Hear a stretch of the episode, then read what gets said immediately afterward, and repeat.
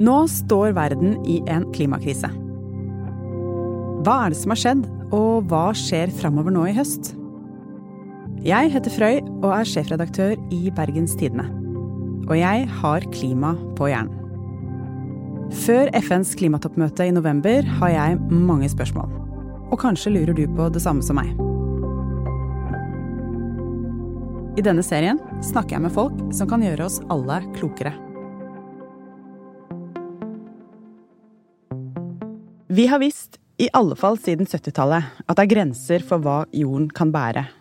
At hele det økologiske systemet kan kollapse hvis vi ikke forholder oss til jordens tålegrense.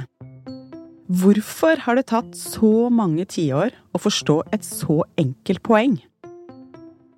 Han blir beskrevet som en kontroversiell, arrogant, provoserende, bedrevitende dommedagsprofet.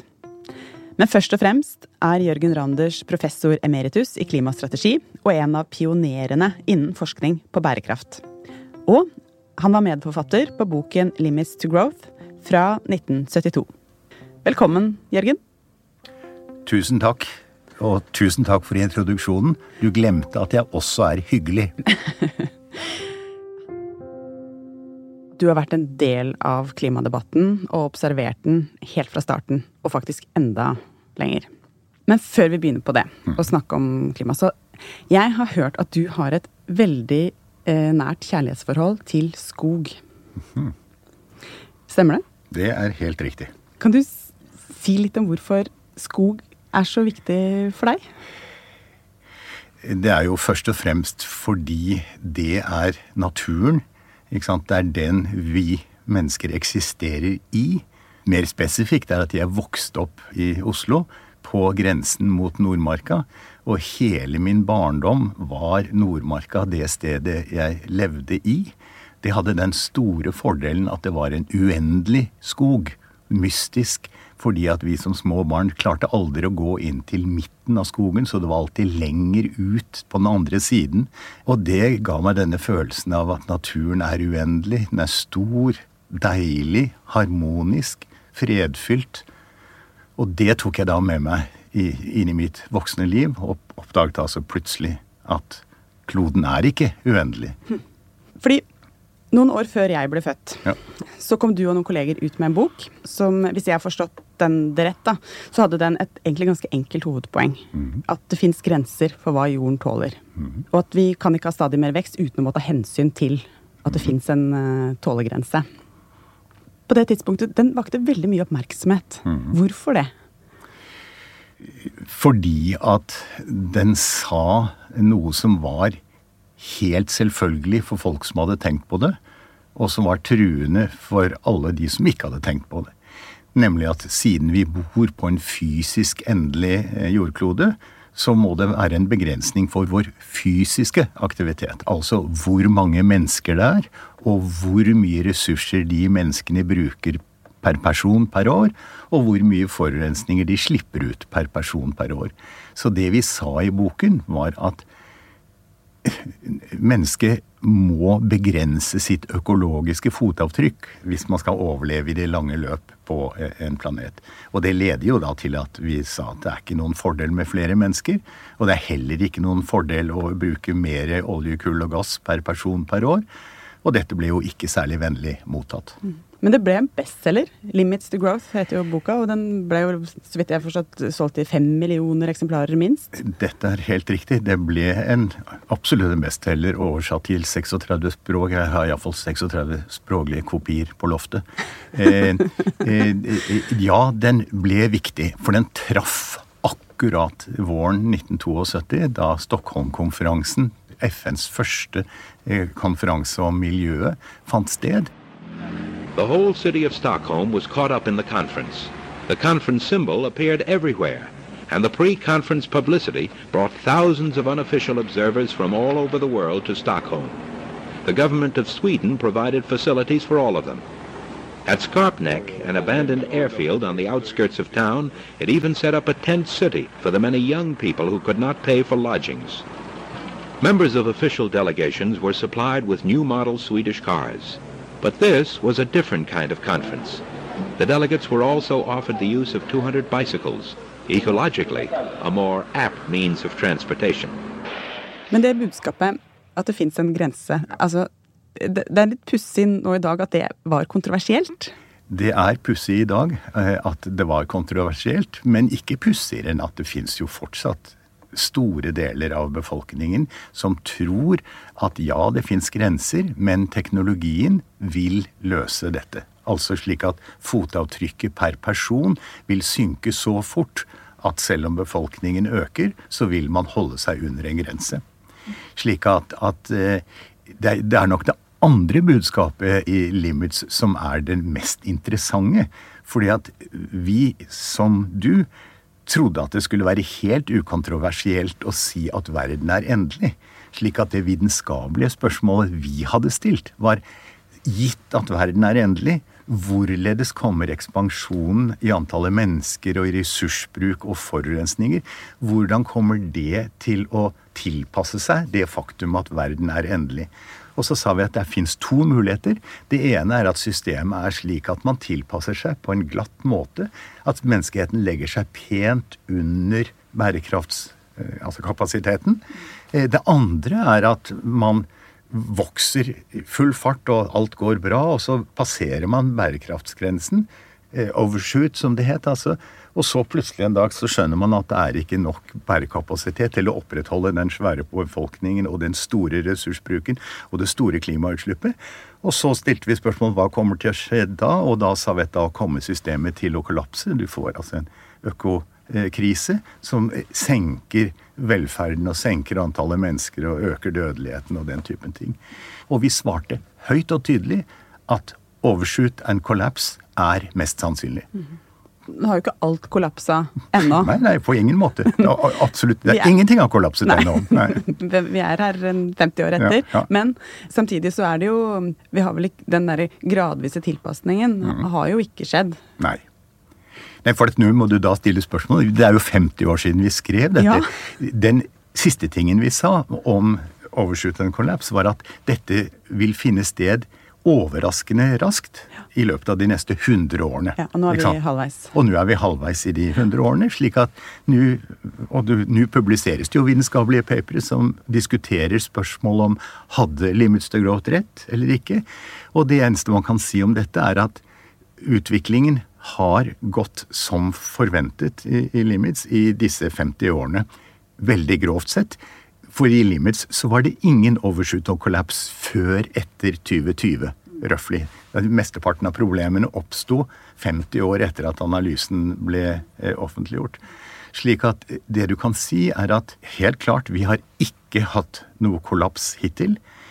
I tillegg så har det jo også vist seg at vi har mer enn nok olje, kull og gass til å fòre verden mye, mye lenger enn klimabegrensningene vil tillate.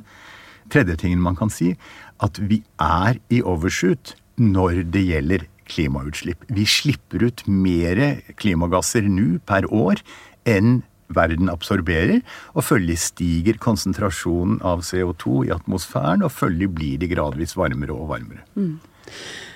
Så nå står vi her i Det er jo en akutt klimakrise som vi står i nå, og så skal vi prøve å Så skal vi prøve å komme oss ned fra den overshooten på en ordnet måte, istedenfor å holde på så lenge at vi får et eh, klimakollaps. Debatten av den politiske debatten som var da på 1972, mm. da, den, eh, da boken kom og det, var, og det vakte mye oppmerksomhet, med der vi står nå. Hvordan vil du beskrive forskjellen? Eh, forskjellen er at på de 50 årene så har iallfall forståelsen for at vi lever på en endelig klode, økt ganske kraftig.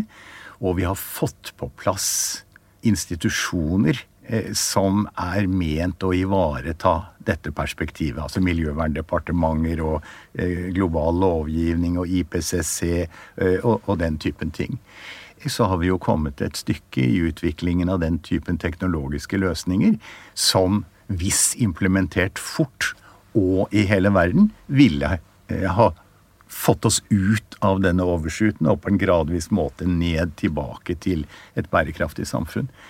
Det som er problemet, er at ja, det har skjedd ting, men det har gått altfor seint. Behovet har jo hele tiden vært der for å akselerere disse tingene. Akselerere introduksjonen av elektriske biler. Akselerere nedleggingen av kull, olje og gass. Akselerere eh, nedgangen i fertilitet. Det er jo fantastisk nedgang i barnetall per kvinner i verden på disse 50 årene. Hurra! Ikke sant? Dette fikk vi til. Og det er jo om å gjøre å fortsette dette så fort, så sterkt man kan. Den gangen, for 50 år siden, så aksepterte de ikke engang problemstillingen. Altså slik at vi har kommet et langt stykke. Ja. Men jeg tenker likevel på at den kunnskapen lå der altså før jeg ble født. Mm -hmm. um, og, men har det vært en viss frustrasjon for deg og disse, disse, årene? Det er jo flere som satt tidlig på 70-tallet og, og forsto noe som i dag er åpenbart, men som har tatt mange, mange. år å få frem. Altså, ja, det, altså Ja, altså det er helt forferdelig. Nå har jeg også holdt på i 50 år eh, med å prøve å preke et budskap om at menneske, du bør prøve å huske at du lever på en endelig planet, og at det betyr at du burde redusere utslippene og ressursbruken så fort som mulig. Uten å bli hørt på i særlig grad. Jeg for ca. ti år siden, da jeg hadde holdt på i 40 år, så ble jeg så frustrert at jeg ga opp, kastet inn hatten og sa at nå gidder jeg ikke mer. Det var etter at jeg hadde vært leder for regjeringens lavutslippsutvalg fra 2005 til 2006. Vi la frem en 15-punktsplan for hvordan Norge kan redusere sine klimagassutslipp innen 2050 med to tredjedeler. Enstemmig plan, 15 tiltak som kunne vært vedtatt av Stortinget uten noe problem. og Effekten var en skatteøkning på 2000 kroner per nordmann per år. Det var det vi foreslo. Og så brukte jeg fire år av mitt liv på å reise rundt i landet og prøve å overtale folk til at dette var en god idé. Det gikk ikke. Og da ga jeg meg. Så i 2011 så brukte jeg hele året på å skrive en prognose for hva som faktisk kommer til å skje i de neste 40 årene. Altså fra 2012 til 2052. Det er en bok som heter 2052. 2052, som er kommet ut da ikke så mange millioner eksemplarer som Limits to Growth, men den, I utlandet, og særlig i den ikke-anglosaksiske delen av verden, så er dette en bestselger i Kina, Tyskland, eh, Japan og sånt noe. Mm. Men hvis vi sammenligner da den boken kom ut i 1972 med lavutslippsutvalgets ja. rapport mm. Eh, den ene skapte mye debatt, mm. den andre ja. ingen debatt. Ja, helt riktig. Hvorfor? Hvorfor? Ja, og da begynner du å eh, eh, Altså, Mitt svar på det spørsmålet er tindrende klart, og det skal jeg gi det. Men jeg bare må si på forhånd at det er det svaret som irriterer folk så mye at de ikke har lyst til å gjøre noen ting. Det jeg sier, er at å akselerere handling koster. Ikke veldig mye, men det koster mer enn å la være. Og så sier jeg at folk er så kortsiktige at dessverre, i demokratiske beslutninger, så får du ikke flertall for å øke kostnadene i det korte løp for å få en fordel som ligger 30 år frem i tid. Så det er de kortsiktige velgerne så, som er Så hovedproblemet er de kortsiktige velgerne. Men et biproblem er jo selvfølgelig at hele næringslivet, altså det profittsøkende næringslivet, er jo også veldig kortsiktig. ikke sant? De ønsker å øke fortjenesten, eller altså bunnlinja, da, hvert kvartal. ikke sant, Når de skal rapportere dette til sine aksjonærer. Og de er jo heller ikke det minste interessert i å bruke masse penger på en ny løsning i dag for å få tilbake de penga 30-50 år eh, frem i tid. Kunne det ha vært annerledes? Meget enkelt kunne det vært annerledes, men det vil kreve statlig, en aktiv stat en aktiv industripolitikk, høyere skatter, strammere regler osv. Og, så og det vil fortsatt ikke 50% av Norges befolkning ha. Og der står vi. Hm. Men du, eh, du, er professor i klimastrategi. Ja. Ja. Hvis du tenker litt sånn tilbake på ja. Hvis vi begynner med miljøbevegelsen. Kan det være at også miljøbevegelsen ikke, ikke har valgt rett strategi? Ja, det er et interessant spørsmål. Vi har jo Altså miljøbevegelsen har jo veldig lenge basert seg på demokrati. Altså ideen om at det er folk flest som uh, holder sannheten, og at det er det folk flest har lyst til, som, som er det riktige. Og uh, jeg tror at det er feil, men det fins jo ikke noe alternativ. Altså prøve å starte en, en, miljøbevegelse som er for at Jørgen skal styre landet. Eller altså for at en elite skal få lov til å overta. Ja. Det går ikke. Så fins det selvfølgelig intelligente, etter min oppfatning, miljøbevegelser som er for sterk statlig styring Eh, sånn som jeg ser det, ja. så det er, ansvaret hviler på politikerne. Ja. Det er iallfall ikke jeg noe i tvil om. Og selv om velgerne er kortsiktige, så må politikerne Det hviler jo ansvar på dem til å tenke langsiktig, sånn som jeg ser det, da. Riktig. Men det blir jo ikke da valgt? Uh, nei, men de, et, når de først er kommet i regjeringskontorene, så kan, har de jo et visst handlingsrom, da. Men, men, når det gjelder både miljøbevegelsen og for så vidt også forskere som egentlig har sittet på denne kunnskapen, mm altså, Når man ikke har nådd bredere, når man ikke har Når ikke ting har skjedd raskere, er det også noe de eh, kunne gjort annerledes når det har gått så lang tid? Eh, og dette er ikke en kritikk av deg som person. dette, er, altså, men... det, det, dette er kjempeinteressante spørsmål. Altså, det er jo tindrende klart at gitt at det har gått så dårlig som det har gått, og dette ja. skriver jeg jo masse om i, i, boka mi for ti år siden Ja, for det har jo gått litt dårlig. Ja, det går altfor seint. Og, og det første man da som vitenskapsperson må gjøre, er jo å prøve å finne ut hvorfor går det så seint. Og jeg fortalte det, at jeg tror det er kortsiktigheten i markedet og kortsiktighet i befolkningen som er et hovedproblem. Hva vitenskapen da burde ha gjort, var kanskje å prøve å fokusere på den typen konklusjoner, og så prøve å, å, få dem mainstream. Altså slik at dette er det vitenskapen sier om saken. Men det er en tall order, altså å be vitenskapsfolk prøve Altså, jeg har jo prøvd å gjøre dette, men as a consequence så er jeg jo da sterkt mislikt over hele linja. Så dette, det systemet beskytter det kortsiktige, demokratiske, markedsbaserte, liberale, vestlige samfunn. Beskytter seg selv helt fantastisk sitt paradigme. Klimatoppmøtet i eh, Glasgow Altså, Du fremstår ikke som, som, veldig håpefull, egentlig, men er du? er du? det, er ikke, det, er ikke, sjans i havet, altså. Men greit. Det er, det er fryktelig viktig at de har et møte. Og det var veldig dannet gjort av IPCC, og da kom ut nå med en konservativ rapport som iallfall sier at problemet er reelt. Det er jo helt idiotisk i mine øyne. IPCC ble laget i 1988. På det tidspunktet så visste sånne som jeg veldig Da hadde vi holdt på i 15 år med å beskrive den potensielle klimakrisen. Vi hadde allerede tall som var så nøyaktige av hva som kommer til å skje. Så, men heldigvis så var da IPCC dannet nok til å lage en rapport da, som sier at dette er alvor. Det vi visste i 1988, er sant. Så nå må dere begynne å gjøre noe. Men det som skal gjøres, det er jo bare én eneste ting som trengs gjøres. Det er å holde opp å bruke kull, olje og gass. Alle de andre greiene som man holder på med dette, er underordnet. 70% av problemet har å gjøre med bruk av kull, olje og gass. Hvis man bare holder opp med det, dvs. Si man skifter fra å bruke kull, olje og gass til å bruke sol, vind, biomasse og, og vann, så løser det hele problemet. slik at det, det, det, eneste du trenger, er et forbud mot ny investering i aktivitet som bruker kull, olje og gass. og at slik at det ikke er lov å holde på med den typen ting globalt.